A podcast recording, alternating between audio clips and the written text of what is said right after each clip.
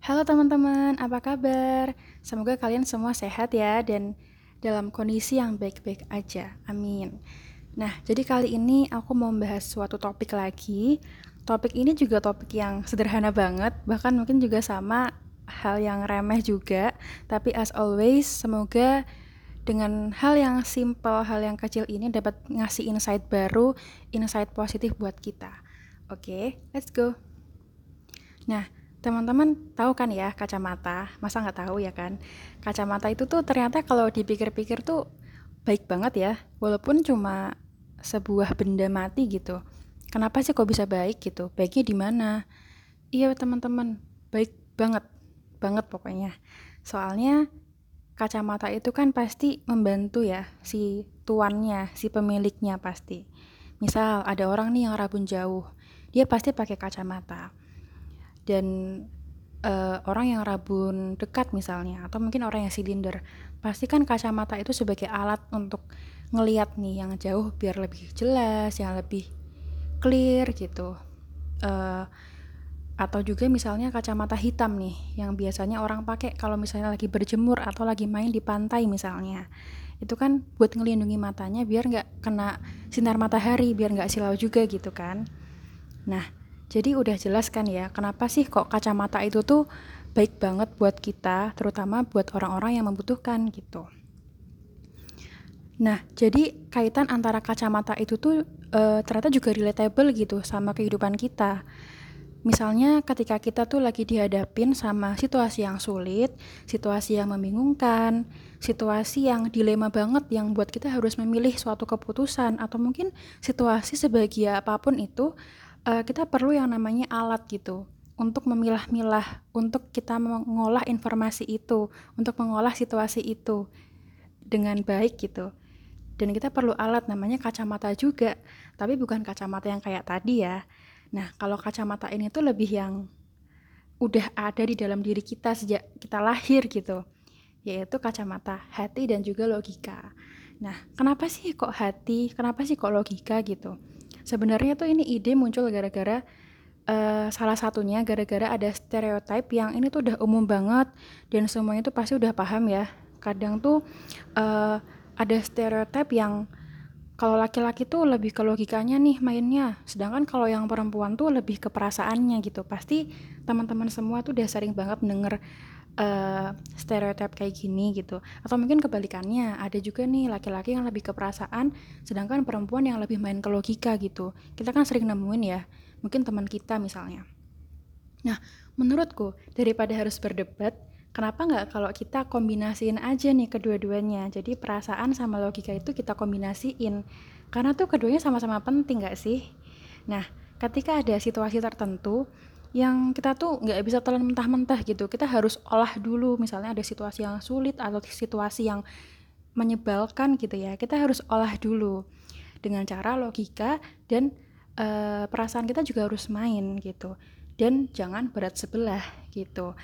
E, misalnya nih ketika ada situasi yang menyulitkan kalau kita cuma pakai perasaan doang itu ntar hasilnya kita sendiri yang capek ntar energi energi kita sendiri yang bakal terkuras gitu. Sedangkan mungkin lawan main kita dia biasa-biasa aja gitu. Dia uh, chilling apa ya cuma bisa chill gitu ya dengan hidupnya. Dia nggak nggak ngerasa apa nggak ngerasa gimana gimana gitu. Dia biasa aja. Sedangkan kita yang sakit hati terus nih.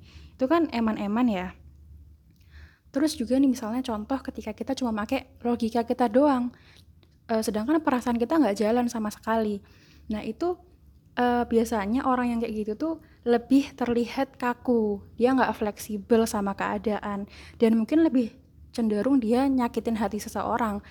Uh, dan dia nggak sadar kalau dia tuh nyakitin hati orang gitu. Karena perasaannya dia kurang main atau bahkan mungkin nggak ada perasaan sama sekali. Jadi nggak ada yang namanya empati bagi dia kayak gitu. Nah uh, jujur aja I confess that aku masih condong ke salah satu aja terutama perasaan sih. Jujur aja sih kayak gitu ya teman-teman. Tapi um, aku sadar kita harus latihan kita nggak bisa gini-gini terus gitu. Dan hal ini tuh sangat bermanfaat gitu. Jadi ya walaupun sulit tapi mungkin salah satu cara yang klasik ya cara klasik yang udah sering diomongin di mana-mana ya dengan latihan gitu. Ketika ada situasi apa pun, kita coba deh buat kita mainin nih alat yang ada di dalam diri kita. Kita pakai kacamata hati dan kacamata logika kita gitu.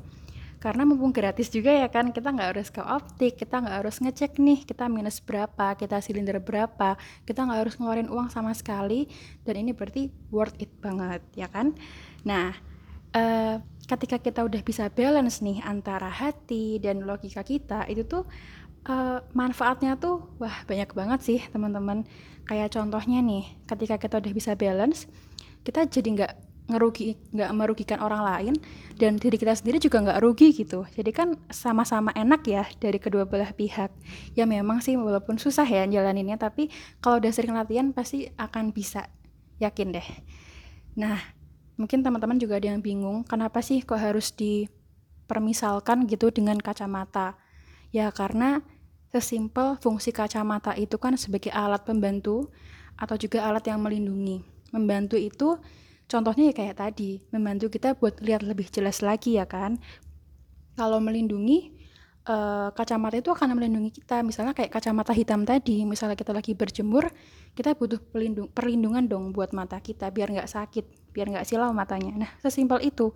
Jadi kacamata itu uh, sebagai alat aja sih untuk membantu kita, untuk melindungi kita uh, ketika ada hal-hal yang sulit bagi kita. Kita butuh namanya alat, alat yang membantu kita gitu. Makanya that's why kacamata itu sangat-sangat menjadi pembantu yang baik gitu ya istilahnya karena mereka benar-benar membantu sih kalau kita manfaatin dengan yang dengan baik gitu gitu sih teman-teman dan ya mungkin segitu aja podcast di episode kali ini. Semoga dari hal itu, dari hal kecil bisa jadi apa ya, bermanfaat dan juga bisa reminder sendiri buat aku uh, dan buat teman-teman yang mungkin lagi ngalamin hal yang sulit atau mungkin lagi sedih gitu ya. I hope you are doing well and you'll be fine. Oke, okay? salam.